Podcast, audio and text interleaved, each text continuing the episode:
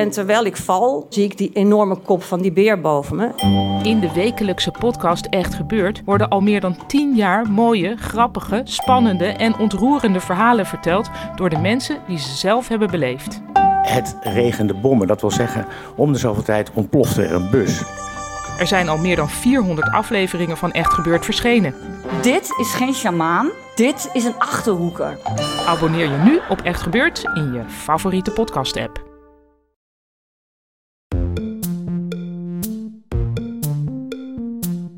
Hallo daar, fijn dat je luistert naar Boeken FM, de literaire podcast van Dasmag en de Groene Amsterdammer. Wij nemen op in de studio van Dag en Nacht Media. Wil je nou nooit meer een aflevering van ons missen? Abonneer je dan nu in je eigen podcast-app en geef ons ook vooral een heleboel sterren en recensies. Dan zijn we ook zichtbaarder voor anderen die ons misschien willen luisteren. Heb je een vraag voor ons of ben je heel erg boos, vooral op Joost? Stuur dan een mail naar boekenfm.dasmag.nl. En we zijn tegenwoordig ook te vinden op Instagram, boekenfm. Nou, ik heb dus ontdekt dat ik pompoen heel lekker vind. Wat gefeliciteerd, maar ik heb Joost. denk ik, ik ben, 40 jaar ik ben denk ik, ik ben niet 40 Charlotte. Eh, maar wel, bijna 40. We zijn vandaag Maar ik even oud, Joost. maar ik ben wel gewoon 35 jaar door het leven gegaan zonder ooit pompoen gegeten te hebben. En toen had ik laatst pompoensoep gegeten. Dat was super lekker. Ja, dat is En toen had ik daarna pompoen risotto geleden. Dat vond ik ook heel lekker. En toen had ik daarna pompoen lasagne. Vond ik ook heel lekker. En toen dacht ik, wat hebben deze dingen met elkaar gemeen? En toen bleek dus dat pompoen gewoon helemaal mijn, ehm, mijn groente is. Hallo allemaal en welkom bij de literaire podcast van de Groene Amsterdammer en uitgeverij Das Mag. We zitten zoals altijd in de studio van Dag en Nacht Media. En ik ben hier met Ellen Dekwiet en Joost de Vries. Welkom jongens. Hallo. Hallo. Wie we helaas bent- moeten missen vandaag is Merel. Oh, Eh, ja. Wij Want, denken want allemaal... het is donderdag. Ja. Ja, lang verhaal. Lang verhaal, maar ze is er niet. Maar we denken allemaal wel aan haar. En ehm, vandaag gaan wij het hebben over eh Wormmaan van Marieke Heidman. Maar eerst moeten we even een moment stilte nemen om terug te denken stilte. aan eh, iets dat wij op onze kerfstok hebben. Ja, lieve luisteraars, luister in de vorige aflevering, waarin wij het essay ehm, Intieme Vrienden van Paul Verhagen bespraken, zei ik op een zeker moment dat wanneer ik iets lees van een Vlaamse auteur dat mij niet geheel bekoort, ik om de tijd door te komen de stem focaliseer met die van Urbanus. En een van onze luisteraars was daar toch terecht heel erg door geraakt. En ik wilde eerst bij zeggen dat eh, het maar, om het op zijn Vlaams te zeggen, een mopje was. Alhoewel het wel is voorgekomen dat ik af en toe ook wel eens andere teksten van andere Vlaamse auteurs las. Waarbij ik opeens de stemmen van eh Magie de Blok, Bart Peters en Danny Verbiest in mijn hoofd had. Ik heb Paul Jambers. Paul Jambers heb ik ook. Ik, mo- ik, mo- ik moet erbij zeggen dat ik dit trouwens met dat dit een overlevingsstrategie is wanneer je moet lezen, wanneer je een boek uit moet hebben. Dus als ik bijvoorbeeld in het Nederlands lees en bijvoorbeeld een boek, eh, we hebben het boek van Henk van Straat, Bericht uit Tussenhuisje. Dat is een erg slecht boek. En op een gegeven moment ben ik, om het mezelf maar aangenamer te maken, dat gaan lezen met de inwendige stem van eh, eh, Willem-Alexander bij Lucky TV. Willy. Dat Ja. is Ja, echt heel nee, grappig. dat is een hele Ja. goede En het, en dat zorgde ervoor dat ik het boek toch bijna toch nog een 3,5 wilde geven. Bijna een scherpe satire. Ja. werd het. Ja, er kwam een punt kwam erbij Ja. voor jou. Maar zonder gekheid, eh, lieve Vlamingen, ehm, ik, ik scheer jullie niet over één kam. Het, eh, het spijt me als ik jullie hiermee geraakt heb. Het was maar een mopje. Ja, ik wilde eigenlijk nog het Brabant Zonne gaan zingen nu om het goed te maken voor onze Vlaamse luisteraars. Maar dat zullen we ze besparen. Dat is bonus Ik denk dat content het alleen waarvoor maar- jullie kunnen betalen. Hey, Ja, jongens, achter de betaalmuur. van Marieke Heidman. De winnaar van de Libris De winnaar van Literatuurprijs de Libris 2022. Ja, we hadden het in onze vorige aflevering over Paul Verhagen. Hadden we het er al over wie hem misschien zou kunnen winnen. Het ging bij ons eigenlijk alle kanten uit. We dachten, ja, Auke Hulst had hem kunnen krijgen. Maar die had al heel veel aandacht gekregen in de pers. En de afgelopen jaren is het met de Libris toch zo geweest dat de jury een unieke keuze wil maken. Dus niet iets wat te voor de hand ligt. René van Marissing hadden we ook zien aankomen. Ja, zien aankomen, ja. Over Lise Weda, die, dat boek is natuurlijk al maanden een bestseller. Ja, Alexandra. Hadden we eigenlijk al een beetje gedacht van het boek heeft al zo'n commercieel succes. En het zou voor een debutant misschien ook een kus des doods zijn. Ja, om Libris voor je, ja, voor je debuut de Libris te krijgen. Dan is de lat voor het tweede boek zo hoog. Maar het is dus uiteindelijk Wormmaan geworden. En wat zei het juryrapport hier nou over? Ze waren redelijk eh, unapologetic hierover. Nou, eh, ik heb het er even bijgepakt. En in het juryrapport staat... De opbouw en thematiek van Wormmaan getuigen van een groot intellect, literair meesterschap en de moed om niet te kiezen voor een conventionele vertelling. Als lezer word je niet behaagd, maar uitgedaagd om de hersenen te laten kraken. De roman is filosofisch zonder nodeloos zwaarwichtig te zijn. Heidman hanteert bovendien de taal met dezelfde souplesse en precisie als de samurai zijn zwaard. In een tijd waarin het hokjesdenken welig tiert, toont Wormmaan dat de beste antwoorden op het identiteitsvraagstuk zijn zoals on- onze identiteit zelf, meerlagig. De maatschappelijke conventies en verwachtingen bieden niet het antwoord op vragen als wie ben ik, waar behoor ik, wie wil ik zijn en waartoe wil ik behoren. Dat inzicht maakt Wormmaan tegelijk een buitengewoon actueel en tijdloos boek. Nou, Hadden jullie ook de hele tijd die samurai in gedachten? Ja, Gewoon de hele tijd. ik moet dan altijd aan de Samurai Pizza Cats denken. Nee, dat had ik totaal niet. Maar ik staan moet wel samurai zeggen... bekend om hun precisie? Nou ja, Nee. je, je verwacht wel dat een samurai goed is met een zwaard. Nee, ja, Ja, kijk, nee, nee, het gaat over een samurai zwaard aan zich. En dat wordt natuurlijk duizend keer gevouwen. Dat is eh, zo scherp, je kan er een haar mee klieven. Ah ja, Maar Nou, als je- Als je een samurai met epilepsie hebt, dan heb je natuurlijk helemaal niks aan een goed zwaard. Ja. dan gaat je rhododendron aan. Nou, zij hanteert de taal met dezelfde souplesse en precisie als de samurai zijn zwaard. Ja, maar is het dan een goede samurai? Daar gaan we het vandaag over hebben. Ja, we gaan deze nu aflevering. Hoeveel samurais kennen jullie? Mag ik even beginnen met een... eh, is het meervoud niet gewoon samurai? Oké, Het nou, zou leuk zijn geweest als de meervoud Dus met- samuri zou, zou zijn geweest. En dan zo'n i met puntjes. Nou, in ieder geval dit boek van, eh, van Samoriken Heitman. Wat, we, wa- wa- wat hebben we hier? Waar gaat het over? Charlotte, heb jij een samenvatting voor je liggen? Of zal ik... eh, Nee, nee, nee. Dat mag jij even doen. Daar ben je altijd heel goed in. Nou ja, dank je, dank je. Kijk, dit is de tweede roman van Marieke Heitman. Marieke Heitman eh, van, van beroep bioloog en nu eigenlijk voltijd schrijver. Winnaar van het CCS Kronenstipendium, wat natuurlijk alleen aan hele geweldige auteurs, de de allergrootste allergrootste, auteurs ter wereld wordt toegekend, zoals Joost en mij. En dus nu ook eh, Marieke Heitman. Gefeliciteerd, Marieke. En jullie. dit is de tweede roman van haar hand. Ze komt uit 1983 en in 2019 debuteerde ze met het eh, alom geprezen De Wateraap. En in dat boek gaat een bioloog, Elke, die doet onderzoek naar het bestaan van een soort missing link van een... Oh, en vergeef me Marike Heijman, die zal ongetwijfeld luisteren. Ehm, een missing link tussen apen op land en zeedieren. En ik krijg een boze mail van Heidman, maar het is oké. nee, het nee, nee. volgens mij is is dit precies hoe Echt ik waar? gedacht had. ik ben zo'n beetje zo in mijn geloof, Joost, zonder het boek ja, gelezen te hebben. Ik heb zoveel autoriteit Ik weet nog met dat boek van de wateraap dat Ja. een aantal mensen om me heen het echt geweldig vonden. En een aantal mensen er echt zeiden van ja, hier kan ik niks mee. Nou, zo'n soort schrijver is zij denk ik ook. Ja, het, het is een acquired taste. Ik ik heb destijds, en volgens mij was het toevallig in de aflevering over Henk van Straat, heb ik een stuk voorgelezen. Dat ik zei van, waarom zijn we in godsnaam Henk van Straat aan het lezen? Terwijl heb ik een hele pagina uit de wateraap waarin ze een soort lofrede op ertjes doet. Nou, Ik hoop die ertjes... dat Henk van Straten niet luistert. Nee, hij luistert niet. Komt goed, hij luistert alleen naar zichzelf. zit gewoon met zijn Alle dingen die Henk van hij Straten doet. ja. Ja, ja, ja. Ehm, Dus dit boek hebben we nu. Eh, de bioloog Elke uit deel 1, uit de wateraap, komt terug in Wormmaan.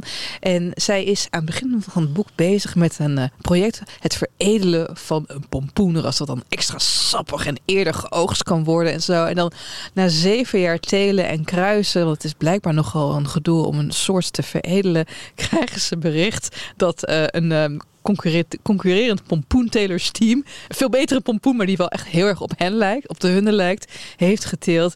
En dan kan je het als teler schudden.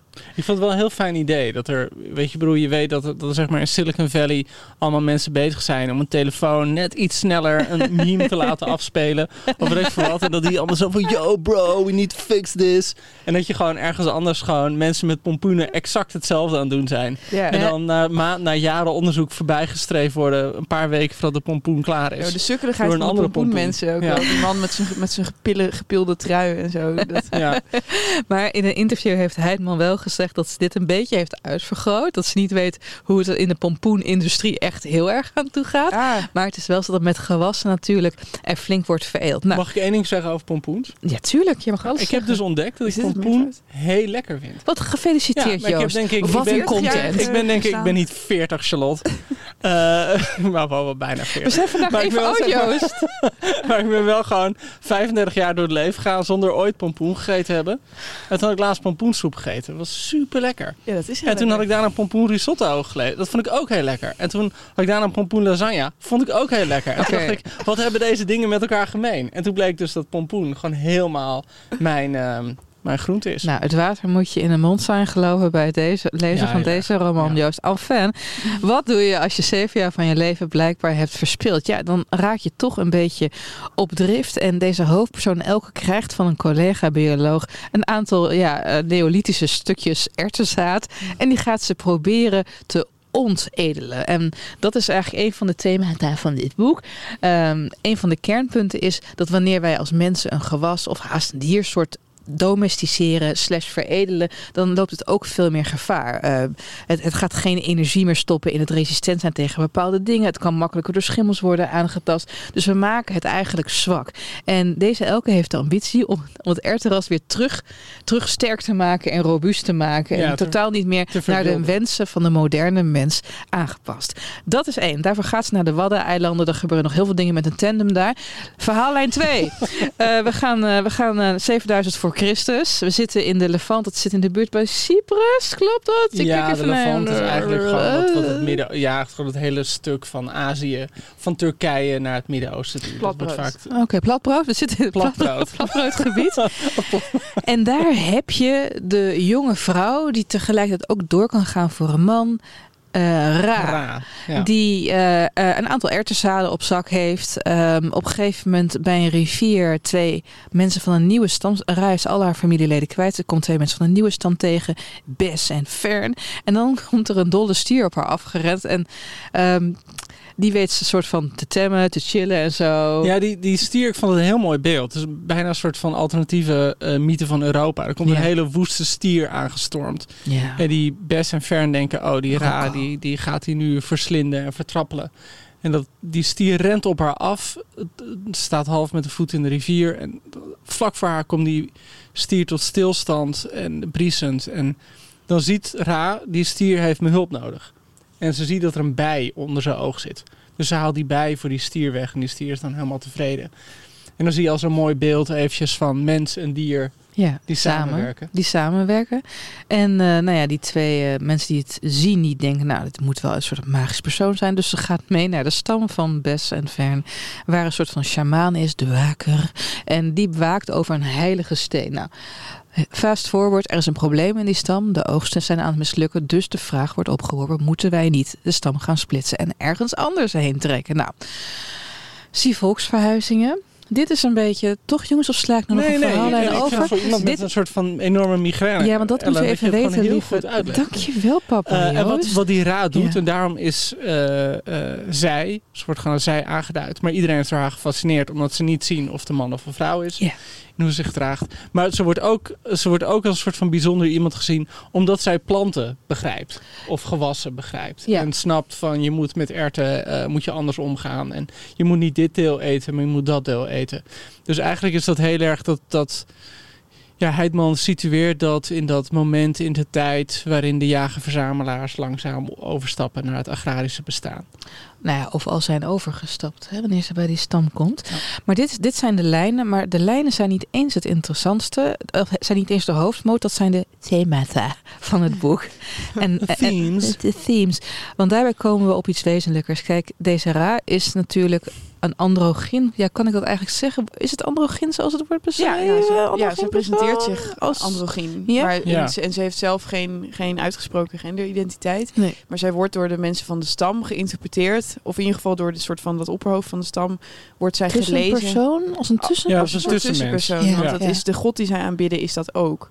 Want die stam heeft dan een soort theorie over van... oh, voor het zonlicht is er ook het donker. Eh, Heel binair. eh, en dat is allemaal heel binair. Maar Ja. voor de aarde kent geen, geen tegenhanger. En is dus zowel mannelijk als vrouwelijk. Of de aarde is hermafrodiet. En daarom aanbidden ze ook een soort moeder aarde figuur. eh, die dat allebei is. En, en daarom dwingt deze Ra op die manier... zowel respect als argwaan af, een beetje, bij die mensen. En dat is natuurlijk ook heel erg het verhaal van Elke in de Precies. tegenwoordige tijd. Want mensen ook weten iemand- ook niet of het een man of een vrouw is. Ja, die, eh, eh, ze, ze identificeert niet, of ze is vrouw, ze Ja. identificeert zichzelf ook, maar weigert zich te kleden als een vrouw. Heeft nooit paardenstaart willen dragen, nooit meisjeskleding. Heeft zich eigenlijk veel meer thuis gevoeld als En- man. Of in ieder geval, eigenlijk wil ze gewoon verlost zijn van het hele gender-etiket. Nou ja, ze voelt zich wel thuis als vrouw zijn, maar niet de vrouw die ze zou moeten zijn van de samenleving. Dat vond ik een heel leuk personage in het boek. Ja. Dat is namelijk een in, in, ingebeelde stem, genaamd de vrouw die ik nooit werd. Die de hele tijd op de shame van, ja, dan had je toch even een leuk make-upje op moeten doen. Of goed, je hebt nu echt lesbische schoenen aan en zo. en ehm, mag ik een stukje voorlezen waarin je een beetje echt die stem hoort van, die in, van de vrouw die ik nooit werd. Ja, vertel. Op een gegeven moment zit ze op de fiets, elke dan. Hoe die man net keek, zo kijkt ze vaak. Nooit verandert de hoofdmelodie. De vrouw die ik nooit werd, schudt haar hoofd. Ze is achter me op het zadel gaan zitten. Haar voeten rusten op het frame, de lege trappers malen rond. Wat ik dan had gedacht, fluistert ze. En dat het haar nog meevalt dat het geen herenfiets is geworden. Moet ze het allemaal nog een keer herhalen? Lach wat meer. Als jij lacht, lachen de mensen terug. Zo krijg je dingen gedaan. Mensen kijken nou eenmaal liever naar een vrolijk gezicht. En je ziet er onverzorgd uit. Geef je wel genoeg om jezelf? Verberg. Haar op plekken hoort niet. Elimineer. Steek daar tijd en geld in. Pijnlijk, dat is nooit een reden. Laat de schaamte voor je werken. Nooit tegen je. Draag een beugel BH. Toon je gecharmeerd van iedere man, ondanks alles, vooral wanneer hij een meerdere is. En dat gaat dus zo door. Er zitten prachtige zinnen bij, zoals hou sowieso niet van je lichaam. Het is van de ander. Koop krappe broeken. Het is vrij nog comfortabel, maar het schept een band tussen jou en andere vrouwen. En dat is ook wat waard. En Ja, dit beeld vond ik ook heel goed van dat het de verhuur, fietsverhuur heeft alleen nog een tandem over. Waardoor Hm. zij een groot deel van het boek rondfietst met alleen maar de denkbeeldige versie van zichzelf. op de tandem, ja. Ja, zoals elke vrouw altijd met haar eigen vrouwelijkheid rondtorst. Ja, maar het is natuurlijk ook in de categorie van, van symboliek. Allereerst heet ze Elke. Ja. Alle is, dus daar zit alleen. En dan ook zo'n tandem waar ze in er eentje op zit. Dat ze in er eentje allebei die sturen eh, meesleurt, allebei die zadels zit. Ja.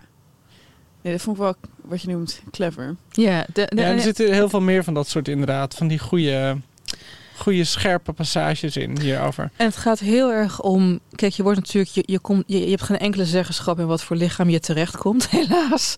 Maar het gaat over wat de, wat de buitenwereld jou aan vrijheden en gebreken toestaat. wanneer je in een bepaald lichaam je opwachting maakt. En dat vind ik heel interessant hieraan. Is dat politiek? Eh, ja, zeker is dat politiek. Ik vond het namelijk in dit boek heel apolitiek. Ah. Het gaat, nou ja, het gaat wel over als je nu vaak, als het nu gaat over genderidentiteit en hoe Ja. we daarmee om moeten gaan als samenleving, dan gaat het altijd over hoe richt je openbare ruimtes daarop Ja. in en hoe spreek je mensen aan en wat is de taal die je moet gebruiken en zo. Terwijl nu ging het echt veel meer over eh, hoe kijk je naar iemand en hoe weerspiegel je iemands gender terug naar diegene door hoe je praat met diegene of zo. En het was niet belerend, het was gewoon eigenlijk constateert ze gewoon een feit van dat is iets waar je niet aan kunt ontsnappen aan, aan die binaire gedachten. Het was niet eens per se heel erg, ehm, hoe noem je dat? Zeg maar, Voorschrijvend. nou ja, precies. Want ze heeft op een gegeven moment beschrijft ze het ook als van hoe we praten over oogkleur. Je weet wel, Ja, jij hebt blauwe ogen, jij oh we hebben alle drie blauwe ogen. Oké. ja ik heb Ehm, echt gegrond mee. Je, je ziet het is de migraine. Goed. Er, bestaan, er, schijn- er schijnen mensen te bestaan met donkere ogen. en, eh, eh, en dan zeg je bruine ogen. Maar er, dat zijn natuurlijk allemaal gradaties van kleuren. Geen twee mensen hebben dezelfde kleur ogen. En toch spreken we over blauw en bruin en groen. Alsof dat eh vastomlijnde categorieën zijn. En dat vond ik op zich wel een goede vergelijking. Want je kunt ook mensen niet bestraffen voor dit instinct om, om Te willen te categoriseren. willen categoriseren. Ja. Omdat je anders gewoon niet kunt bestaan. Dat is waar, dat is ja, waar. niet Maar- alleen kun je niet bestaan, maar het zit natuurlijk ook op een gekke manier. Alfred Bernie zei dat een keer heel goed in een interview. Want het zit ook in onze biologie ingebakken. Dat, let maar eens op, als zie je iemand voorbij lopen en je kan niet meteen zien of dat een man of een vrouw is, kijk je altijd eventjes. Ook als je er niks mee bedoelt. Het gaat echt onbewust. Maar Dus is blijkbaar is dat iets- conditionering, Joost? Nou ja, ik- hij zei biologie. En dat, dat geloof ik eigenlijk wel. Dat je instinctief gewoon, nog voordat je nadenkt of het gebeurt of niet, dat je gewoon even denkt, hé, hey, Nou ja, maar ik denk dat ook deels cultureel bepaald is. Want er zijn natuurlijk genoeg bijvoorbeeld Indianenstammen, ook eh Siberische stammen, waarin je tussenpersonen, zoals in dit boek ook, dat, dat, dat, dat je meerdere genders hebt dan alleen man en of Ja, vrouw. maar zelfs in die eh, eh, situaties is er dus wel een behoefte om te definiëren van wie is een tussenmens, wie, en wie is. Is dat zo? Nou, dat Is leek dat wel zo? zo. Ja. Tenminste, in de stam die ze hier schetst. Ja. Als ze dan dat als voorbeeld gebruikt, van daar is dan wel respect voor tussenmens of zelfs eerbied. Maar eh, er wordt wel heel expliciet over gender nagedacht. Want in die stam worden bijvoorbeeld ook die waker, ja. een soort Ja. van shaman, een die soort wordt. van shaman. Een manwaker, Ja. Ja. eh, of dat is een uinig. Eindig, Eh, oh ja, oeps. Toch? Is dat een Ja, woord? ik nee, vind het ja. wel interessant. Ik heb dat woord volgens mij nog nooit hardop gezegd. Oh, oké. Einig, ja, ik weet het niet meer. je, je Oké. schrijft toch? Ja, een ongelukkige man. Oké, nou ja, anyway. eh, zij- ik, het wordt nooit helemaal uitgelegd waarom, maar bepaalde eh, belangrijke figuren binnen die stam worden wat ze noemen ontmannelijkt. En dan word je dus gecastreerd.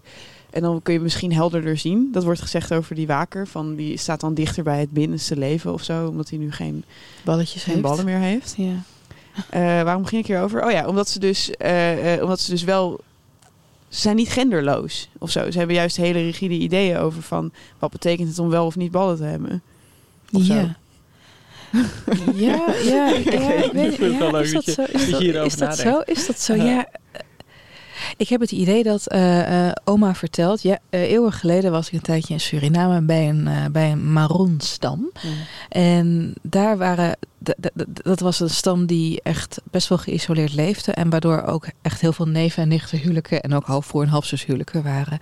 En daar waren een aantal gehandicapte mensen in die stam. En die hadden totaal geen andere status. Die moesten even hard meewerken, omdat het echt omging wat je nut kon zijn voor de stam. In plaats van wie jij als individu was. Dus ik kan me voorstellen, als het Oh ja. aantal mensen om je Ja. heen schaars is, dat je ook minder gaat. Je hoeft ook minder te categoriseren, want je moet het doen met de, de, de je moet roeien met de riemen die je hebt. Aan de andere kant zijn er binnen de antropologie ook heel veel theorieën over hoe er bijvoorbeeld in de steentijd uitgebreid aan abortus werd gedaan door bijvoorbeeld vruchten af te drijven, door met knuppels op buiken te slaan. Omdat het, nou ja, omdat het is heel kostbaar, het is heel gevaarlijk om, om als je jager-verzamelaar bent, om een kind mee te slepen. Die maken knijten lawaai. Je moet het super hard dragen, weet je wel. Het is eh, dus, dus ik denk dat aan de ene kant dat dat categoriseren komt bij een gebrek aan schaarste. En aan de andere kant, kijk, hoe meer anderen er zijn, hoe meer er de ander is, hoe lucratiever het ook is om dat allemaal in hokjes te gaan plaatsen. Oh ja. Omdat je dan makkelijker die wij-zij onderscheiden kan gaan maken.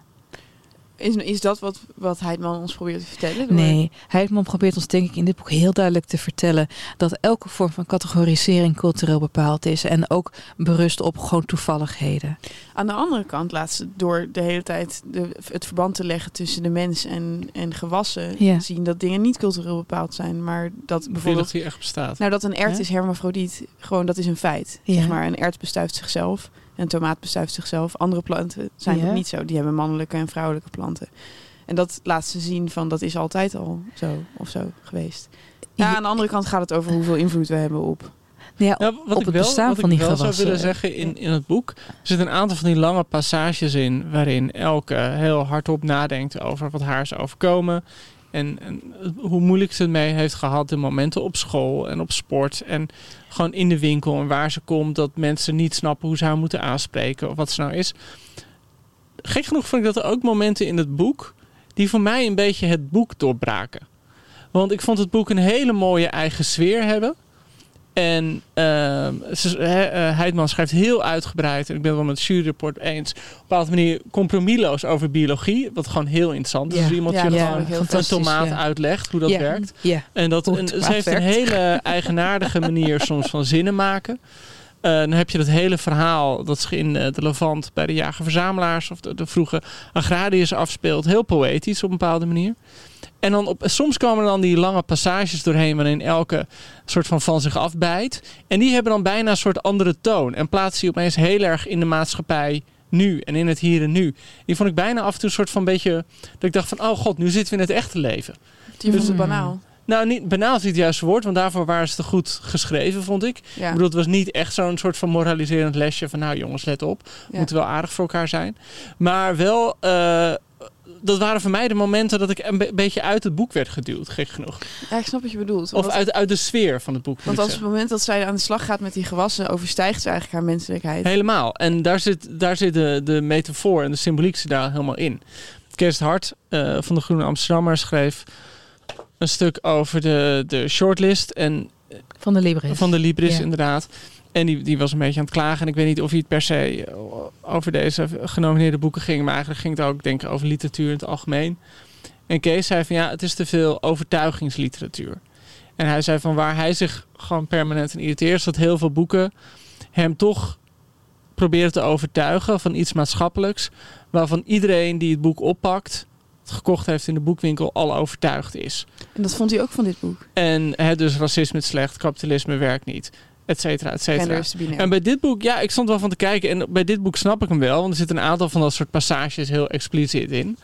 Maar ik vond wel dat er zoveel verbeeldingskracht tegenover stond. Zo. Dat, dat ik bedoel, eh, je kan dit boek niet wegzetten als gewoon zomaar een overtuigingsroman. Nee, en, en, en, en sterker nog, het, het, het, het, het, het gaat ook om het benadrukken van, van iets dat onze neiging om te categoriseren ook nergens beslaat, omdat, alles met elkaar verweven is. Op een gegeven moment schrijft eh, Heidman dit. Ik verander door de ander, verander de ander en alles neigt naar elkaar, hoe dan ook. Waardoor uiteindelijk alles klopt, omdat we niet anders kunnen. Zoals de plant naar het licht groeit en de kiem maar één richting kent. Dus de plant is met zoveel verweven. En dat toont ze ook dat haar identiteit ook afhankelijk is van wie er tegenover haar staat en wie ze om zich heen heeft. Het is allemaal spiegeling. Nou, en wat, wat ze volgens mij heel mooi beschrijft, die tomaten daar bijvoorbeeld, van die Ja. erwten ook.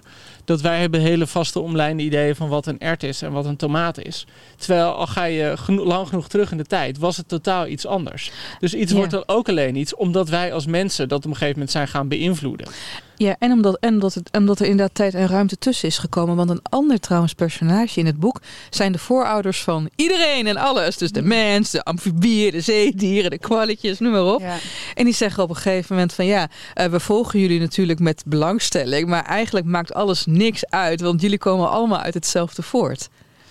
Ja, en ik vroeg, ik vroeg me dus altijd heel erg af van of elke nou terugverlangt naar de natuurstaat, waarin er nog geen invloed was van eh mensen op Cultuur. dier eh, of mensen op planten. Want op een gegeven moment ergert zij zich dood aan een vriend van haar die eh, heel enthousiast is over het rewilding van de Oostvaarderse plassen, geloof ik. Ja, ja. En dat vindt ze dan toch vindt ze dat pervers. Dat ze daar hekken omheen zetten en een eilandstaat simuleren. Omdat eh, ze denkt dan van ja, maar die arme beesten moeten eigenlijk in alle rust kunnen uitsterven. Ehm, aan de andere kant eh, maakt het haar weer. lijkt je toch. Lijkt toch dat dat personage het hoopvol zou moeten vinden dat wij met als cultuur invloed uitoefenen op dingen. Dat dingen maakbaar zijn, toch? Eh, Ja. ja. ja, en nee. Want op een gegeven moment, want dat, dat vond ik het meest geëngageerde van dit boek. Niet eens zozeer de vraag wat identiteit is en wat binariteit is. Maar op een gegeven moment is het echt een hele rent tegen de bio-industrie. en, de, en de schadelijke gevolgen van de groene revolutie voor de gezondheid van moeder aarde. Ik bedoel, eh, bovengronds is de wereld veranderd in een zee van soja, mais en graan. Dus eenheidsworsten alom, hè, dat krijg je met veredelen. Kunst en drijfmest verzuren, gif vermoord, daar beneden waart de dood. En de mensen maar zaaien, zwoegen en baren. Inmiddels verzuipen we in de mest, regent het stikstof uit de hemel en traant het fosfaat in de sloot. Lekkere stijl, jongens. Ja, is mooi. Luizen doodgespoten, bomen gekapt en houtwallen geruimd. Geen toevluchtsoord meer voor de insecten, vogels, knaagdieren, mossen en paddenstoelen die zich voeden met elkaar of met de planten die de schaduw van bomen nodig hebben. Hun dode lichaam voedt zonder uitzondering de wezens in de grond, de schimmels en de bacteriën, die ook water en mineralen vasthouden voor de plant. Oersterke wezens, maar waar ze unaniem niet tegen kunnen is gif en de aarde wordt steeds stiller. Kijk, het is gewoon een heel merkwaardig boek. Merkwaardig. Ja, op, als in uitzonderlijk. Ik vind de stijl Ja. heel mooi, heel poëtisch. Wat ik er nog bij moet zeggen, lieve luisteraar, er is nog een, er is nog een hoofdpersonage, namelijk een enorme bende wormen. Vandaar ook de titel. Die op een gegeven moment een soort van als een soort freggels tegen eh, de hoofdpersonen. Toen was ze me kwijt hoor. Dat ja. is echt- Nee? Ja, Ja, ik moest dat- even twee keer lezen voordat ik snapte wat er nou aan de hand Ja. was. Dat het de wormen waren. Het- nou ja, op een gegeven moment zullen we, zullen we naar dat stuk even gaan. Ja, Ja, als jij heel graag, maar je moet wel een stemmetje opzetten. Ja, dat is Ja. helemaal. Ja, dat Welk, welk stemmetje gaat? Wordt het Urbanus? Dan Nee, nee, luister. Je had, boze- vroeger had je DuckTales. En ik en mijn broertje konden heel goed de neefjes van eh, Donald Duck nadoen. En op een gegeven moment gaat Elke, die gaat eh, in het huisje wat vroeger van haar familie is geweest, gaat ze kijken eh, wat er onder het huisje zit. Ik weet niet eens precies waarom ze daar naartoe gaat kijken, maar ze, ze, gaat voelt dus... zich on, ze voelt zich ertoe aangetrokken. Je voelt er- ja, ja, dat- ondergronds gaan. Er blijkt, blijkt een zinkgat te zitten, maar ook een enorme boom. Ja, maar je hebt ook het verhaal van die oom. Ik weet niet of we dat moeten spoilen. Nee, dat Gaan we niet doen. Nee, Dat was zo'n vet moment. Nee, daarom. Dus dat gaan we dat niet. zit er Maar goed. Ja. Kijk, ze, ze gaat dus ondergronds, onder een ruimte onder het huis. En dan heb je op een gegeven moment dit. Ik schijn om me heen, alsof ik me in een wortelkathedraal bevind. Het sierlijke stukwerk van houten tenen vormt het barokke houtsnijwerk van een manische kunstenaar. En dan ziet ze opeens allemaal wormpjes die omhoog krioelen. En wormen zijn, dat wordt hier ook mooi beschreven, zijn eigenlijk, bestaan eigenlijk maar uit drie onderdelen. Namelijk een mondje, een darmpje en een aarsje. Weet je wel? En, en, en daarmee maken ze de aarde heerlijk poreus. En op een gegeven moment gaan die wormen, ja, dat vond ik het enige zwakke hieraan. Dan, dan, ergens zegt deze Elke ook dat ze misschien een beetje gek aan het worden is. En dan gaat bij mij meteen echt het cliché-alarm af. Want een vrouw die intelligent is mag nooit zeg maar sane eindigen. in Precies. Precies dat. Precies dat. Nou komt het, ja? Oké. Ehm, ik, ik, ik ga gewoon weer voorlezen, ja? ja, ja. Plots huiveren ze. En dan ga ik de wormen met een andere stem doen. Plots huiveren ze. Hun kopdelen buigen verstoord mijn kant op. En hun lijfjes, die net nog gespierd en weg omhoog wrongen, trillen alsof ze oog in oog staan met een fletse lentemerel. Wat? Luistert die? Die bovenaardse zoolganger? Eens geboren beginnen ze meteen warm te rotten. Vergeten wat ik kwam doen. Ik vraag me af waar zij heen gaan. Wij stellen geen vragen, wij stellen ons voor. De vorm is worm, de vorm volstaat. De worm is vorm, de worm is waar. Wij eten je dood, je wordt wat je weet. Er volgt knarsend gegrinnik. De woorden vervliegen direct. Ik zou het nogmaals willen horen. Die denkt dat het ons iets kan schelen. Dat gelamenteer, dat vergeten, zegt Tombo. Je verwart je eigen odyssee met de onze. Trouwens, wat weten wij van de zee? Wat we kennen, stijgend welwater, verzadigde klei, de film van gelei om ons lijf om te glijden, het zachte van onszelf, rijmelarij, we dwalen af. En nu hebben jullie een idee. Nou, als, als Marieke eh, je nu niet opbelt om de, Luisterversie. voor, het luisterboek in te spreken, dan ben ben ik diep teleurgesteld. Ja. ja. Oké, maar hier is wel een beetje, heb ik een bezwaar. Want Ja. ik, vond, vo- ik vond namelijk, eh, eh, misschien ben ik daar gewoon, kan ik gewoon niet zo heel goed tegen magisch realisme of zo. Dat is het ook zeker niet, want je wordt denk ik wel uitgenodigd om te, om te, Mee te gaan de gekte. nou, om, te, om aan te nemen dat dit een, een soort van waanbeeld van haar is. En dat, dat kon ik, dat trok ik heel goed toen het nog alleen die versie van haar was, die vrouw die ze nooit geworden is. Ja. Eh, die heeft een heel leuk kapsel en die heeft gelakte nagels en zo. En dat, Ja. is, dat, is, dat vond ik grappig, want dat zag ik voor me. Ik, ik kon me wel voorstellen hoe je dat ook in een film doet. Deze shit met die wormen, welk deel van haar is, spreekt er nu tot haar? Je Weet wel? Dat is niet psychologisch niet zo makkelijk uit te leggen als... Nee, die vrouw die ze nooit is geworden, die is heel duidelijk. Daar hoef je niet een heel Ja, je diploma psychologie te- in te halen. En die wormen, ja, leg het even aan me uit. Verbondenheid met alles wat leeft. Gaia gewoon, zeg maar. Misschien, ja, heel latour, maar inderdaad, misschien eh Gaia. Eh, ja, ik vond het wel een grappig idee. Ik heb ook een gedicht geschreven waarin een worm op een gegeven, of lieve heerslarf, op een gegeven moment. eh, zal, ik het, zal, ik het, zal ik het voorlezen? Een gedicht Anders? van jezelf? Maar doe je dan op dezelfde stem als de wormen van, van Ja. Weet je het uit je hoofd? Ja, ik weet het. Zal ik- Ja, eh, eh, altijd alles uit. Poëtisch, poëtisch intermezzo. Oké, begin. Het is een vierdelen. Mag, mag ik hem gewoon doen? Oké, ja. Ja? Oké, is het toch niet? nee. Eén. Zo erg zijn relaties nou ook weer niet. Het is gewoon een kwestie van de spijt voor je te houden.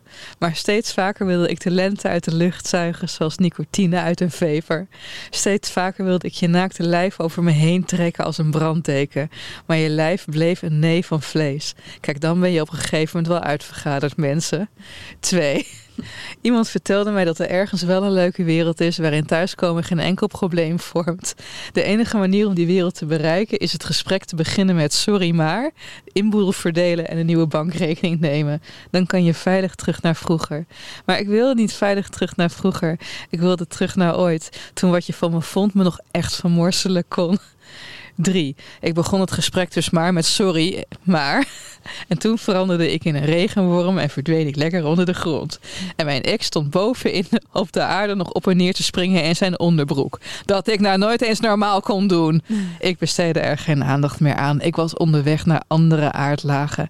En ondertussen kwam ik een hele sympathieke lieve heerslarf tegen. En die larf zei, ach weet je, verdriet. Verdriet is ook maar een heel klein karakter in vaart. Vier, het was echt tof om een worm te zijn. Een beetje kru- kruipen, een beetje sabbelen aan de wortels van egelantieren. En ooit zou er een moment komen dat ik weer benen en armen wilde hebben. Er zouden dan nog heel veel woedende appjes voor me volgen en gedoe over geld. Maar tot dusver was ik gewoon een worm. Zo kroop ik door en zo wist ik voor altijd te overwinteren. Ik vind het echt Nou, uit leuk. je hoofd. Super. mooi gedicht. Het doet me een beetje denken aan zo'n meme die ik, die ik wel eens gezien heb. Waarin dan iemand zegt: Mijn favoriete gedeelte van een relatie is voordat je elkaar hebt ontmoet en dat je nog single bent. Dus eh, Renate Ruus schrijft, schrijft ergens... Zo erg zijn mannen niet. De eerste twee weken althans. Hey, zijn er vragen eigenlijk? Moeten, is dit niet een moment voor vragen? Normaal is, zit Merel hier. Die gaat dan allemaal non-verbaal. tijd in de gaten. Merels houden van maken. wormen. Ja. Het jouw gedicht me een beetje denken aan een kleine zeemermin, maar dan andersom, toch? Je levert, Ah. je levert je menselijkheid juist in om, als je klaar bent met die man, terug Ja, de aarde in te kruipen. maar. Ja, ja. Ah, Oké, ik ga de mannen. erbij pakken. Ehm, die gaat als volgt. Beste boeken FM'ers. Naar aanleiding van de aflevering over het filosofie-essay, van Paul Verhagen dus, vraag ik me af, wat is precies een essay? Ik hoor Ellen vaker over essays spreken, maar ken het genre niet zo goed. Het leeft misschien minder in Vlaanderen dan Nederland. Oh, nou, dat wil ik niet zeggen, maar... Ja. Al kan dat ook gewoon een foute aanname van mezelf zijn Oh. bij gebrek aan kennis. Oké, Mart doet het. Dit is diezelfde Mart die ik heb gemisgenderd een jaar geleden. Maar wa- wa- Oh, Sorry. Dit sluit wel mooi uit bij eh, Ja. het thema van de aflevering. Eh, Mart, leuk dat je er weer bent. Ik heb de definitie opgezocht op Wikipedia, schrijft Mart, maar zou graag jullie mening horen over wat een goed essay is en wat het verschil is met non-fictie. Het literaire aspect? Vraagteken. Er bestaat ook literaire non-fictie, bijvoorbeeld van Frank Westerman. Ja. De lengte doet er ook niet veel toe, lees ik. Gaat het om de inhoud dan, of de manier waarop een essayist zijn of haar betoog opbouwt? Mag er meer in een essay? Hebben jullie favoriete essays, essayisten of onderwerpen? Benieuwd naar het antwoord. Groetjes, Mart. Ja, nou, een essay is eigenlijk, je bent eigenlijk live aan het kijken, eh, het denkproces aan het meekrijgen. En dan mag geassocieerd worden tot je een ons weegt. Dat is mijn definitie een beetje van een essay. Ja, ik, bij de Groene Amsterdammer moet ik natuurlijk heel vaak essays redigeren. En we krijgen er ook heel veel opgestuurd. En een van de dingen die, eh, wat bijvoorbeeld een, een, een veelvoud, veel voorkomend iets is, is dat, mensen dat mensen denken dat een essay een soort opiniestuk moet zijn. Waarin je dan gewoon vijf dingen op een rijtje zet en dan Ja. zeg je, en dus moeten we dit en dit. En dat, dat is een essay zeker niet. En het klopt wel wat Ellen zegt. Een essay is waarin je eh, je denken laat zien. Dat vind ik altijd heel belangrijk. Dus En je dat is laat zien grappig. hoe je denkt en hoe je een onderwerp bevraagt en dan waar je toe komt. Eh, en een essay klopt. In een essay heb je, eh, mag zo literair zijn als je wil. Je kan heel breed eh, uitvoerig schrijven. Je kan heel kort schrijven. Je kan, ehm, je kan eh, technieken van een roman inzetten. Je kan er persoonlijke memoires in. Het moeilijke is ook van een essay dat het honderd dingen door elkaar heen zijn tegelijkertijd. Ik heb samen met Nina Palak een keer een bloemlezing gemaakt. een De hele wereld in jezelf. Echt heel mooi. Ik ben nog steeds heel trots op hoe dat uitgegeven is door de uitgeverij. En dat zijn, eh, ja, daar hebben we 60 essays van de 21ste eeuw onder elkaar gezet. Dus die kan ik je van harte aanbevelen om eh, erbij te pakken. En Van dan zie je Nederlandse essays? van Nederlandse essays, ja. eh 2017, zoiets, 2018.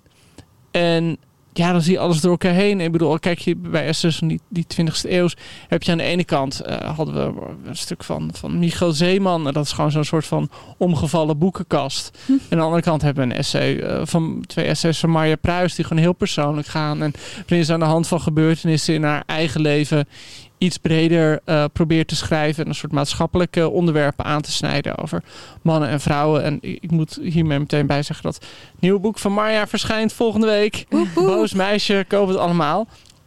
Eh Marja, vriend van de show. Ehm, en tegelijkertijd zitten er ook essays bij. Eh, bijvoorbeeld een essay van Maartje Wortel stond erin. Nou, dat was een soort van persoonlijke memoir over de momenten dat zij Alex van Warmerdam gezien had. Eh, er stond een essay in van Nina Weijers. Dat was eigenlijk bijna een reisverslag hoe zij terugging naar de plekken uit haar jeugd op Curaçao. Dus Mart heeft eigenlijk Dus wel goed... het, dus het kan heel veel verschillende vormen zijn. als ze zegt van er mag meer in een Er essay. mag, er mag bijna Het alles. is iets in anders dan een betoog. Ja. Ja, het is echt iets anders dan een betoog. Het is ook iets anders dan een opstel. Hè. Het, het, het essay in Nederland is heel lang heel stijl en stijf geweest.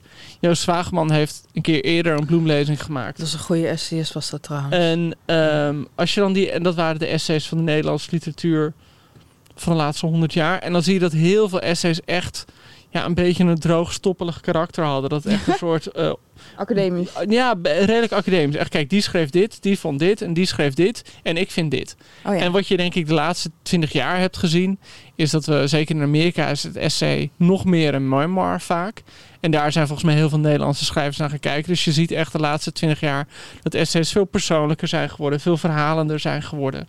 Mensen vaker naar plekken toe gaan, anders dan hun studeerkamer. ja. Eh, dus, dus voor mij is het echt een genre waarin heel veel de laatste 15 jaar gebeurd is. Maar ik, wat ik dan weer... Ik zou dan over een essay, eh, als ik het dan zou moeten omlijnen, toch zeggen van...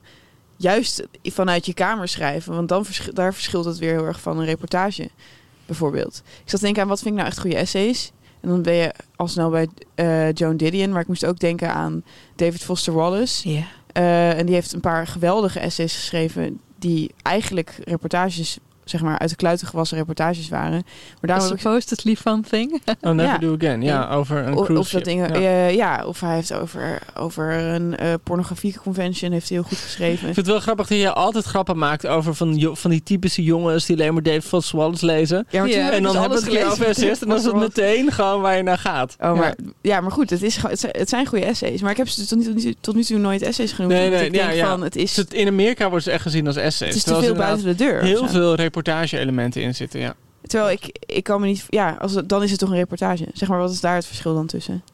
Nou ja, kijk, een reportage Is feitelijk. Ja, is feitelijker en is gewoon wat zie je, wat gebeurt er op een bepaalde plek. En Dave Foster Wallace hè, gebruikt die essays om gewoon een hele theorie te ontvouwen over hoe sport werkt, hoe entertainment werkt, hoe, hoe populaire cultuur werkt. Ja. Dus die, die gebruikt zo'n eh, zo'n reportage of zo'n reis, gebruikt hij om na te denken over iets dat veel groter is dan die ene reis. En dat is denk ik wat een essay maakt. Dat het Zichtbaar nadenken. ja, nou, zichtbaar nadenkt, maar dat het, dat het ook het onderwerp dus groter maakt. En dat het niet alleen gaat over, over wat hij daar op die ene plek ziet en doet. Zullen we een paar van onze favoriete essayisten opnoemen, kids? Ja, inderdaad. Nou, ik, ben al, ik heb het al gedaan. Eh, Bij mij eh, Jeroen Brouwers. Als we toch even eh, zijn, Oh ja, zijn, zijn es- naar hem. Ja, zeker. Een shout-out naar. Shout-out, Eh, ja. Shout-out naar Ja. de andere kant. Nee, eh, de laatste deur. Ja, fantastische essayist. Rebecca Solnit. Met mannen leggen me graag dingen Oh, uit. geweldig. Ja, zo leuk. Vivian Gornick, Patricia de Martelaren, eh, Maggie Nelson natuurlijk. Over poëzie voor de liefhebber. Herman de Koning heeft fantastisch geschreven over de dichtkunst. Natalia Ginsburg vond ik ook echt heel ja, goed. ja, ja, ja. Eh, Marja Pruis, als het tegen Joost de Vries. En dat zeg ik omdat hij naast me zit. Maar nee, zonder gekke. Ik En vind dat het is Niet alleen, alleen omdat het in, in mijn contract staat dat het genoemd mag worden. Nou, maar ik moet zeggen, ik bedoel, de gelukkigste man van Nederland vond ik echt fantastisch. Nou, dat vind ik heel fijn. Want, want lieve luister, dat boek is helemaal onderbelicht gebleven. Want een soort Joost de Vries haat bij de talkshows. Ligt niet aan mij, Joost. Ik, ik, ik, dat andere ligt mensen. aan andere mensen. Nee. Maar ik heb echt heel erg gelachen om dat boek. Ook hoe je daarin eh, Rutger Bregman helemaal torpedeert. Ja. En je hebt, je hebt mij daardoor ook een aantal dingen geleerd over Mark Rutte. Die, eh, die ik anders niet had geweten. Over hoe hij bijvoorbeeld als grote voorbeeld eh, ehm, Johnson heeft. Bijvoorbeeld. Ja, interessant. Johnson? Ja, Lyndon B. Johnson. Oh ja? Je hebt, ja, het is heel grappig. Je hebt, je hebt, je hebt dus, nou Joost, vertel- anders ben ik, anders Nee, ben ik nee, dingen nee, aan het nee, uitleggen. nee, die nee, Joost bocht. Over, nee, nee, nee, het is een andere podcast. Maar ehm, nee, nee, laten we het niet over Rutte hebben nu. Nee, noem jouw favoriete essay. Nou ja, ik, ik zit een beetje te kijken. Want je hebt inderdaad zo'n vast gezelschap. Ik heb een keer een bloemlezing mogen maken van Joan Didion ook. Dat was echt een super toffe klus bij de Goeie arbeiderspers. introductie was dat ook. Die En eh, dat ik echt gewoon al die essen. En dat is gewoon iemand die heel ja, onderkoeld eh, de pols van Amerika in die tijd vastpakte. Norman Mailer deed het ook geweldig in de jaren 60 en 70. Eh, wie ik geweldig vind is John Jeremiah Sullivan. Eh, een beetje zo'n zuidelijke Amerikaanse auteur. Adam Phillips, dat is een Britse Ja, psychoanalyticus. The Unlived Life. Ja, ja. Love that, Ehm, love that. Die, die vanuit, heel erg vanuit zijn psychoanalysepraktijk stukken schrijft. Ja, natuurlijk eh, heb je in Nederland heb je er wel meer goede... Zo superveel heb je er ook niet. Ik bedoel, Mirjam Ras vind ik heel eh, verrassend. Omdat die gewoon echt zo vanuit... Heel erg vanuit data en vanuit techniek naar het menselijk leven kijkt. Ehm, dus ja, ik, voel, ik heb het gevoel dat ik nu heel veel over het hoofd zie hoor. Maar Slavoj Zizek lees ik heel graag. Echt Vind ik waar? hilarisch, ja. ja, dat is ja. net Jeff- wat voor jou. ja. Jeff ja. Dyer vind ik een hele grappige. Eh, tenminste, die heeft heel veel goede essays. Omdat dit zijn essays altijd mislukken. Zoals er iemand die dan iets wil doen en dan halfwege het essay zegt ja shit, dit werkt gewoon niet. Eh, la- la- laat maar zitten. Heb ik altijd met mijn relaties. Ja. Wie is dit ook alweer? Jeff Dyer. Jeff Dyer, ja, het is gewoon zo'n Brit. Hij heeft ook een aantal romans geschreven. Heeft hij Jeff in Venice Jeff in geschreven? Venice, Death in Oh. Varanasi. Dat is echt een heerlijk boek. is. Iemand heeft mij dat aangeraden destijds. En hij zei, daar zit de geilste seksscène in. Er zit echt een, ja, twee hele goede seksscènes nou, ik was in. het er gewoon niet mee eens. Oh, waar was je het niet mee eens? Ja, ik weet, dit was ten eerste gewoon een docent van mij, dus dat vond ik ook wel een beetje weird. En die heeft het boek aan je aangeraden? Ja, Oh, ehm, oh want ik heb het boek wel eens iemand aangeraden. En dat was echt met, met voorbedachte intentie. Ja, nou ja, dat bleek later ook Ja. inderdaad zo te zijn. Maar goed. nice. Eh, Shout-out naar je leraar. Nee, maar wat ik denk is, ik denk dat je een boek sowieso voor iemand verpest te zeggen, er zit een hele Nee, dat moet je niet erbij. Want dan zit je de hele Dan tijd moet je iemand la- langzaam achter laten komen. En dan, want, want het moet natuurlijk veel meer zo zijn. Want dat is mij ook helaas overkomen toen met Rob van Essen. Dat iemand zei dat hij, er toch, dat hij er toch onbedoeld wel geil van wordt. Dat hij op een gegeven moment seks heeft met De zijn auto. Ja, ja, met ja. zijn smart auto. Oh, ja. Ja, Ninja zegt. dat. Eh, en die- diegene die mij dat boek aanraadde, die zei ook van... ja, dat is echt een hele geile scène. Dus toen kon ik het allemaal niet meer serieus nemen natuurlijk. Hm, ja, snap ik. Los van het feit dat het allemaal heel goed is. Nou ja, anyway. Dat is dus Jeff Dyer. Jeff Dyer, jongens. Death in Varanasi. Eh Jeff in Venice. Death in- ja, geile seksscènes hoor. En hebben wij verder nog eh, Paul Virilio, Italiaans filosoof. Mooie essays. Ja, maar nu wordt het gewoon symbolisch Ja, nu wordt kapitaal. het gewoon opzommen. Nathalie Ja. Ginsburg is inderdaad ook, nou ja, goed. Eh, George Orwell is ook verrassend goed om te lezen. Die heeft echt een aantal van die hele dogmatische essays. Juist nu. Maar, ja, maar het is wel echt iemand, dat, dat, dat verbaast je je echt over. Oké, Hey, en, eh, Omdat het zo'n dood paard is inmiddels. al. ja, Eh, omdat het zeg maar, soms, je hebt soms van die auteurs die dan, weet je wel, je kan van George Orwell echt in elke gift shop staat er zo'n boekje en dan denk je, ja, laat maar. Ja, Maar echt als je die essays van hem leest, van Shooting an Elephant en zo, dat is echt geweldig. De Montagne, Michel de Montaigne, de, de, de, de godfather van de essays. Ja, die Hey, maar oké, eh, luister, we weten nu allemaal dat we hoog opgeleid zijn. Waren er nog meer vragen? nee, dit was de vraag. Maar ik denk dat we hem wel in met heel veel aandacht eh, hebben Ja, behandeld. Maar ik dankjewel, hoop dat je er iets aan hebt. Ja. Er is dus niet een vast online definitie van, van het essay. Maar hier zijn een heleboel dingen waar je... Ja, hier Dus je aan een- kunt nu een waslijst. Ehm, eh, we- we moeten nog eventjes eh, de verschillende themata aanstippen. Waar jij het zojuist al over had. En een dekwiets. ja, Heb je er eentje gedachten? nou ja, kijk, we hebben, we hebben al een aantal genoemd. Binariteit versus non-binariteit, hokjesdenken, eh veredelen van gewassen, de boel domesticeren versus de boel weer aan de natuur, wat de natuur dan ook is, eh, overlaten. En het doorgeven van leven en wat de grenzen daarbinnen zijn. Ja. Dus is het een soort van... Het gaat nooit over het doorgeven van menselijk leven. Ja, op, op een gegeven moment wel. Nou, maar wat dat betreft vind ik dit boek ook wel passen in een, een bredere trend die in de literatuur, maar ook gewoon sowieso in de hele kunsten actief is. Namelijk een beetje los proberen te komen van het antropocentrische verhaal. En niet alleen in te zoomen op menselijk leven, maar gewoon op al het leven op de planeet. En op een bepaalde manier doet Marieke Heidman dat natuurlijk heel duidelijk door eigenlijk het verhaal van elke. Ja, is in feite net zo belangrijk als dat van de tomaat en Of van de ert. Ja. En eh, het, het, het staat allemaal op hetzelfde niveau. Ja. Eh, dus wat dat betreft past het wel in een bepaalde traditie van het moment. Je bedoelt, wat, wat is er nu dan nog meer? Dat diep diep blauw. Wat vandaag verschenen is. Eh, heeft dat dat ook? Weet ik Ja. niet precies. Maar gewoon Richard Powers wordt altijd gewoon als het voorbeeld genoemd met de Overstory. Eh, wat wat, wat zo'n boek is dat geschreven is vanuit bomen. Heeft de Pulitzer Oh gewoon een paar jaar geleden. En eh, ik denk dat je in de kunstwereld zie je ook heel veel tentoonstellingen die dit echt als thema hebben. En echt heel expliciet ook zeggen van we moeten losbreken van het idee dat we alles in, dat we op de wereld zien aan natuur en landschap zien in relatie tot de mens. Er zijn ook heel veel mensen die zeggen we moeten dat term antropoceen niet meer gebruiken. Vanwege dat antropo dat Oh ja. erin zit. Ja. En we moeten gewoon niet meer denken over de mens als maat der dingen. Maar de natuur in zijn geheel zien. Maar Ja, en wel dat- interessant, want ik denk de roman is toch wel een poging van onszelf om onszelf te begrijpen of zo. En daarom vind ik het, dat stuk met de wormen misschien het moeilijkst. Omdat ik denk van, ja, maar dit gaat helemaal niet meer, dit heeft niks meer met mij te maken. Of zo. Ja. Nee, maar het heeft, het heeft ermee te maken hoe relatief je positie is in de schepping. Ja, wat? Leg uit. Omdat het het relativeert dat alles om de mens zou moeten gaan. Die wormen overleven het wel. Die denken ook van, eh, fuck jou Elke. Wij gaan gewoon lekker omhoog kriolen en je bekijkt het verder maar. Ja, We hebben ons eigen taakje hier. Ehm, Ja, zeker ook omdat zij, eh ga niks spoilen, maar zij zit dan in, die, in zeg maar, eh, de kruipruimte van het huis. Dus zij gaat als het ware Er zit er 50 ondergronds. pagina's lang in, mensen. Dus het is echt wel een dingetje. dit. Ja, dus, dus Ja. ik bedoel, ze gaat eh ondergronds ja. als het ware. En eigenlijk geeft ze daarmee aan van ja, de wereld onder de grond is niet van de mensen. Hier hebben gewoon andere krachten het voor te zeggen. Ja, Ja, En, en daar komen die wurmen vandaan. ja. Dat En zijn de bewoners. Dat en zijn kunnen we daar net zulke indringende de literatuur native, over eh, schrijven als, als, als oh. over mensen en hoe die met elkaar omgaan? Nou, ja, nou ja, want je hebt bijvoorbeeld boeken zoals Watership Down. Waarin je op een gegeven moment, als je het le- heb je het gelezen? Waterschapsheuvel Nee, nee. of alleen een doodenge film gezien? Maar ik ben wel bereid om eventueel nu Bright Eyes eh, te zingen als jullie dat... eh. Dat mag. Dat mag. Alweer. Nee, ja, weet je, we- we- we- Oh, helaas luisteraar. Middel heeft het weggeknipt. ja, helaas. Dat was heel mooi. Het was echt, ja, Dat is echt gewoon, we moesten even pauze nemen, want Charlotte was echt... Echt, nou, was in ik heb nog nooit iemand Ja, zo het zien huilen. een Alsof er een engeltje op mijn uit. trommelvies op last. Dat was echt fantastisch. Ehm, dat is de meerwaarde van literatuur. Dat je opeens kan inleven in dingen die niet menselijk zijn. Maar is dat zo? Ja, nou ja, Nou, kijk, het moeilijke wel natuurlijk is altijd dat... in eh, dieren. met, met- in- in de overstory doet...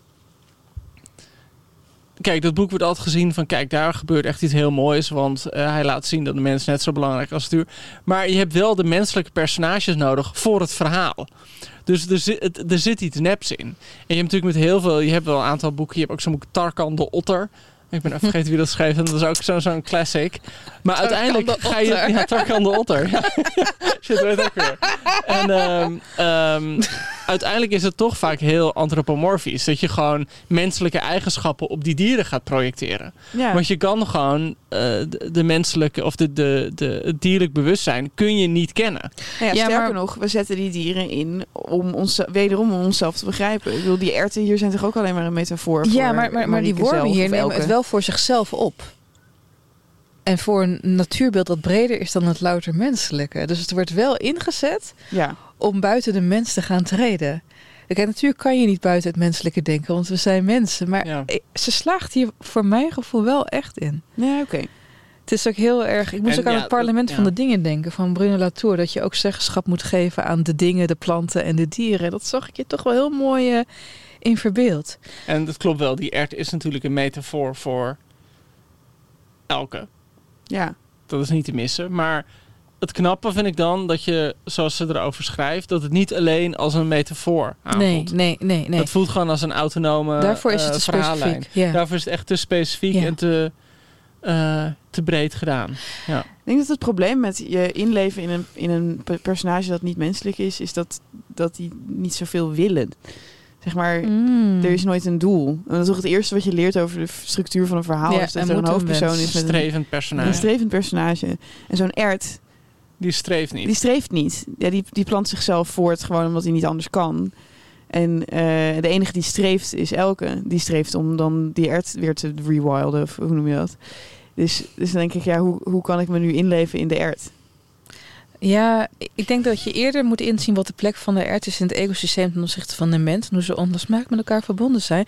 Maar la- la- laten we eens even dit, de- dit boek vanuit een ander gezichtspunt bekijken. Want we hebben nu heel erg sterk gehad over de filosofische ideeën Ja. die daaruit spreken. Eh, we hebben het heel erg over de stijl gehad.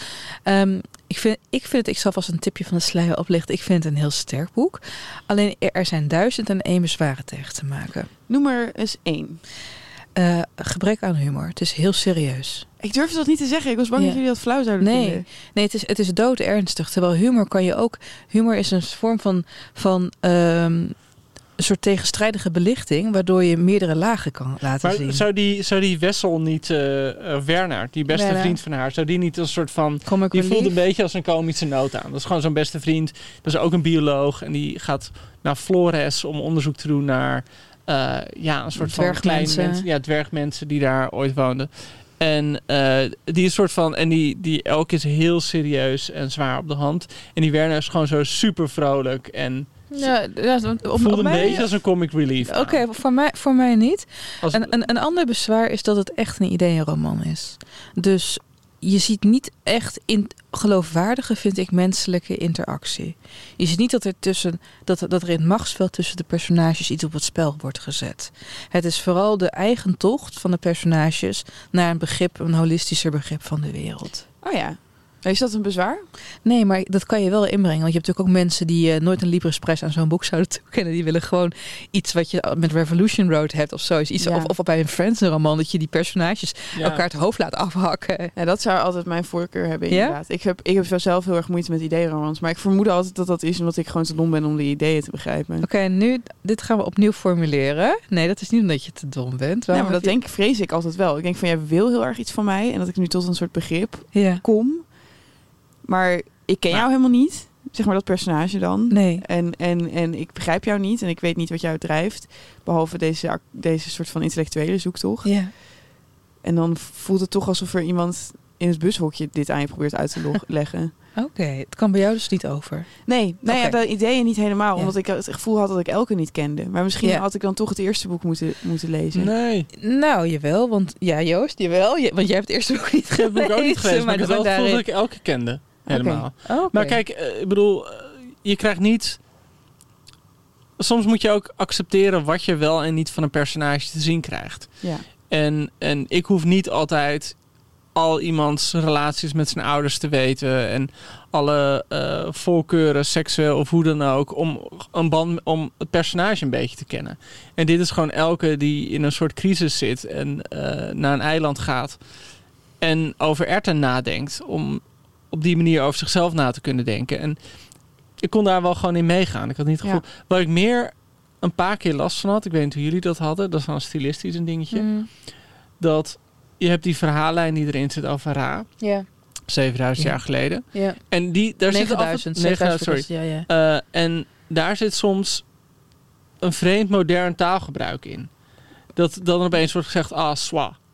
Of mea Oh ja. culpa, Ja. op zo'n manier. Weet je, voordat... Daar kon ik mee leven. En wat, wat, wat, daar zeggen? vielen- soms vielen daar? Ja, ja, maar, ja, nee, maar daar vielen soms... Ik zelf had ik gedacht dat het beter had gepast om daar echt een veel neutralere taal te gebruiken. En nu zaten er gewoon af en toe van die, eh, ja, gewoon moderne termen in. Die, eh, die- die me dan soms eventjes eruit snap maar ja. Aan de andere kant kan het ook klein spul vervelend is dat zijn. hoor. Kan het ook heel vervelend zijn als er zo'n taaltje wordt opgezet van dit Nee, is maar je had- ze 9000 jaar geleden Nee, natuurlijk niet. Maar je had, het zou ook volledig neutraal kunnen zijn, de taal. Dat is waar. Ik Ja. ergerde me heel erg aan de wijvorm. Oké, dus dat als de voorouders gaan tegen, praten. Ja. Want ik vond de voorouders, die waren nog het meest van alle vertellers, waren die vrij grappig of Ja. zo. Ja. Die hadden dan, die, wa die waren dan... Ja, die hadden trouwens. Ja, het, fijne het boek is, wel, is niet helemaal humorloos. Nee, maar het kwam, dat kwam nog het Ja. meest in de buurt van, eh, van een zekere distantie en, en humor. Eh, eh, eh, maar dan was het werd gewoon elke keer dat er dan de eerste persoon meervoud wordt gebruikt, denk ik echt van Jezus had er nou gewoon één, één iemand van gemaakt die spreekt namens de voorouder. Toch? Ik ben gewoon zo niet gewend om in de wijvorm dingen te lezen. Nee, jullie zijn het er niet mee eens. Maar ik vind dat Ja. gewoon heel lelijk. Eh, eh, ook omdat het zo... Ja, dan allesomvattend en gewichtig. Nou, Moet- ik had het niet zo, zijn. omdat het zo duidelijk... eh, ja, die, die voorvaderen van die stam waren. Eh, het, het, het- kijk, soms kan het moeilijker zijn als mensen het hebben, zeg maar, de Brechtmaansiaanse wij, waarin Ja. hij, zeg maar, Ja. jou bedoelt. Of Ja. eigenlijk zichzelf bedoelt, maar dan net doet alsof jij net zo bent. Eh, en dat was dit niet. Dit, dit, de, wij was gewoon heel duidelijk die, ehm, ja, eh, afgeperkt tot de voorvaderen van die stam. Ik be- begrijp wat je bedoelt hoor, zo'n wij kan irritant zijn, maar hier had ik dat niet echt. Nee, maar ja, dus ik, ook als het, als, het, als het wel goed als het duidelijk is wie de wij zijn, vind ik het vervelend. Ik vond het bij de heilige, heilige Antonio vond ik het ook heel vervelend. Dat heb ik, dat is, die film trouwens is heel mooi. Als mensen nog zin hebben om daarheen Oh te ja, gaan. van, dat is het boekweeggeschenk van Grunberg. het was van boekweekgeschenk van Grunberg uit mijn geboortejaar. Eh, en, Nou, ehm, allemaal raden wat dat is het 100 was. jaar geleden alweer. En eh, dat is nu verfilmd na heel lang. En dat is echt serieus best wel mooi. Dus Mm. het boek vond ik helemaal niks, maar ik vond het film heel erg mooi. Dus eh, ga daar vooral heen. Het heet The Saint of the Impossible. Mm. Ehm, het is tijd voor ons om een cijfer te geven. Ja, dat is het zeker. En een eindoordeel, dat we het toch eventjes staan. Ja, Ja. Ik, ik, vond het, ik vond het echt een heel rijk boek dat op elke manier uit de bocht had kunnen vliegen. Voor mij deed dat het niet. Ik vind de stijl echt heel goed. Ik vind dat dit een schoolvoorbeeld is hoe je je ideeën vervlecht tot een groter idee. Ik vind het echt heel knap gedaan. Ik geef het een 9. Ik ehm, begon dit boek te lezen en toen dacht ik echt na tien pagina's, ik snap de Libris jury wel. Het is gewoon Ah. heel volwassen. Het is iemand die echt inderdaad compromisloos is geweest. Heeft nagedacht over wat zijn mijn thema's, hoe ga ik die uitwerken. eh, zich niet zorgen maakt over is het wel leuk voor de lezer, is het wel grappig, is het wel emotionerend genoeg. Ehm, we hadden er net wat kritiek over, wat, wat kleine dingen. En dat is altijd het probleem met een, als een boek goed is en ambitieus is. Dan zijn er ook dat juist als een boek goed en, en groot denkt en ambitieus is, zijn er altijd de dingetjes die net even misgaan. Of waar je net niet zelf helemaal bij aansluit. En waar je dus wat makkelijke kritiek op kan hebben. En soms is dat ook dus gewoon een teken dat, dat een boek uitzonderlijk is. En ik vond dit boek wel echt op heel veel manieren uitzonderlijk. Dus ik eh, doe mee met die eh, negen van Oh. Ellen. Charlotte.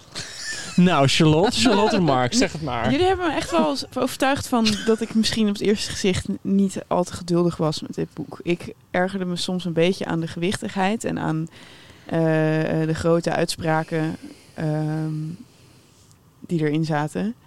Eh, en aan, ja, dat er gewoon een gebrek aan humor, dat, is, dat kan ik heel slecht tegen. En een gebrek aan, aan connectie tussen mensen. Maar ik vond sommige elementen heel interessant. Ik vond, vond hoe zij over biologie schrijft echt Ja. heel aanstekelijk. En dan is het bijna, bijna droge tekst over hoe een plant werkt. Maar dan loopt het gewoon alsof het een plot heeft, zeg maar. Eh, eh, dat vond ik toch echt heel erg indrukwekkend. Ehm, maar het is niet mijn soort boek. Ik denk dat ik het een eh 6,5 geef. Wow. Oké, oké. Oké, oké, We oké. accepteren het. Oké, nou dan is het alsnog een, eh, jezus, een 8, eh, 1,3. 5. Oh. Ja. Nou ja, top.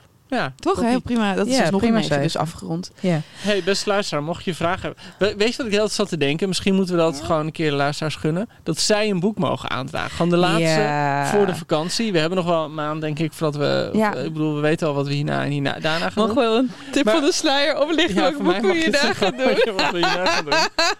Ja, Charlotte? Ja, tuurlijk. Mensen willen graag meelezen. Ja, nou, dit wordt dit is echt hilarisch. Want we hadden het net in de groepsapp over. Ja, waar moeten we het nou over doen? Moeten we een klassieker doen? En we dachten, nou weet je, we gaan een boek doen. Waar, die heel veel mensen hebben gelezen. Namelijk De Alchemist van Paulo Coelho. Ja, ik had daar een mail over gehad van iemand. Van, Oh, waarom doen, ja, serieus. Waarom doen jullie de alchemist niet? En toen Nou, dacht ik meteen, top. oh god. U vraagt, eh, wij draaien. Ik, ik heb dat boek nooit gedaan. En wie schetst onze verbazing? Dat op, dat op de story Ja. van Monica Geuze Opeens De Alchemist. toen Ja. ook de alchemist. Moeten we Monica Geuze uitnodigen? Oh, vind ik leuk. Hoe Ah, gaan we dan onze maken we hier de podcast dan Monica? Geuze fan podcast van. Ik denk niet dat Monica ons eh, deze tijd gaat gunnen. Ja. Maar, maar zou het niet leuk zijn, laten we dat dan wel gaan doen voor het laatste nummer. Voordat we een zomervakantie hebben. Dat is nog voorlopig nog niet. Dat duurt nog wel eventjes. Maar wat dat betreft, dan kunnen mensen nu mailen. Dus mail naar boekenfm.dasmag.nl Eh Welk boek zou jij nou heel graag willen dat we behandelen? Ja, hou je mail kort. Hou je mail kort. En eh, mail ons gewoon. Geen essay. Ja, één mail ons gewoon één titel. En dan, of nou, je mag er, laten we zeggen, je mag er drie noemen. En dan gaan we kijken welke titels er meer doen. En dan gaan we, dat wil ik namelijk altijd heel graag een keer doen, zo'n poll doen op Instagram. Dat mensen tussen Dat drie mensen mogen kiezen. kunnen, Oh kunnen dat stemmen. En dan Oh ja, kijken wat er gebeurt. Ja. Dat gaan we doen. Oh, Eh, ja, dus stuur, stuur je favorieten in. Of wat je ons heel graag wil horen bespreken. En dan gaan we een keer een, gaan we een, keer een crowd favorite doen. Heel Ja. erg bedankt voor het luisteren. Nou, echt heel erg hopen dat niet iedereen Middlemarch gaan doen. En dat we echt 1200 bladzijden Ik heb. Middlemarch aangeschaft omdat jullie er zo'n fan Thank van zijn. you. Ja, ik heb hem nooit gelezen. Maar Oh, iedereen nou, om me heen is altijd helemaal weg van het boek. Ja, geweldig. Nou, oké. Nou, misschien, hè, Wie weet. misschien hebben we nu een zaadje weer ingeplant. Een kiempje. Eh, eh, en- ja, ik en- zeg wat je Oh, net deed. hey, I see what you did there. Hey. Dan zien jullie over twee weken terug vanuit de studio. eh, en dan eh, hoop ik dat jullie een fijne woensdagavond hebben. Doeg.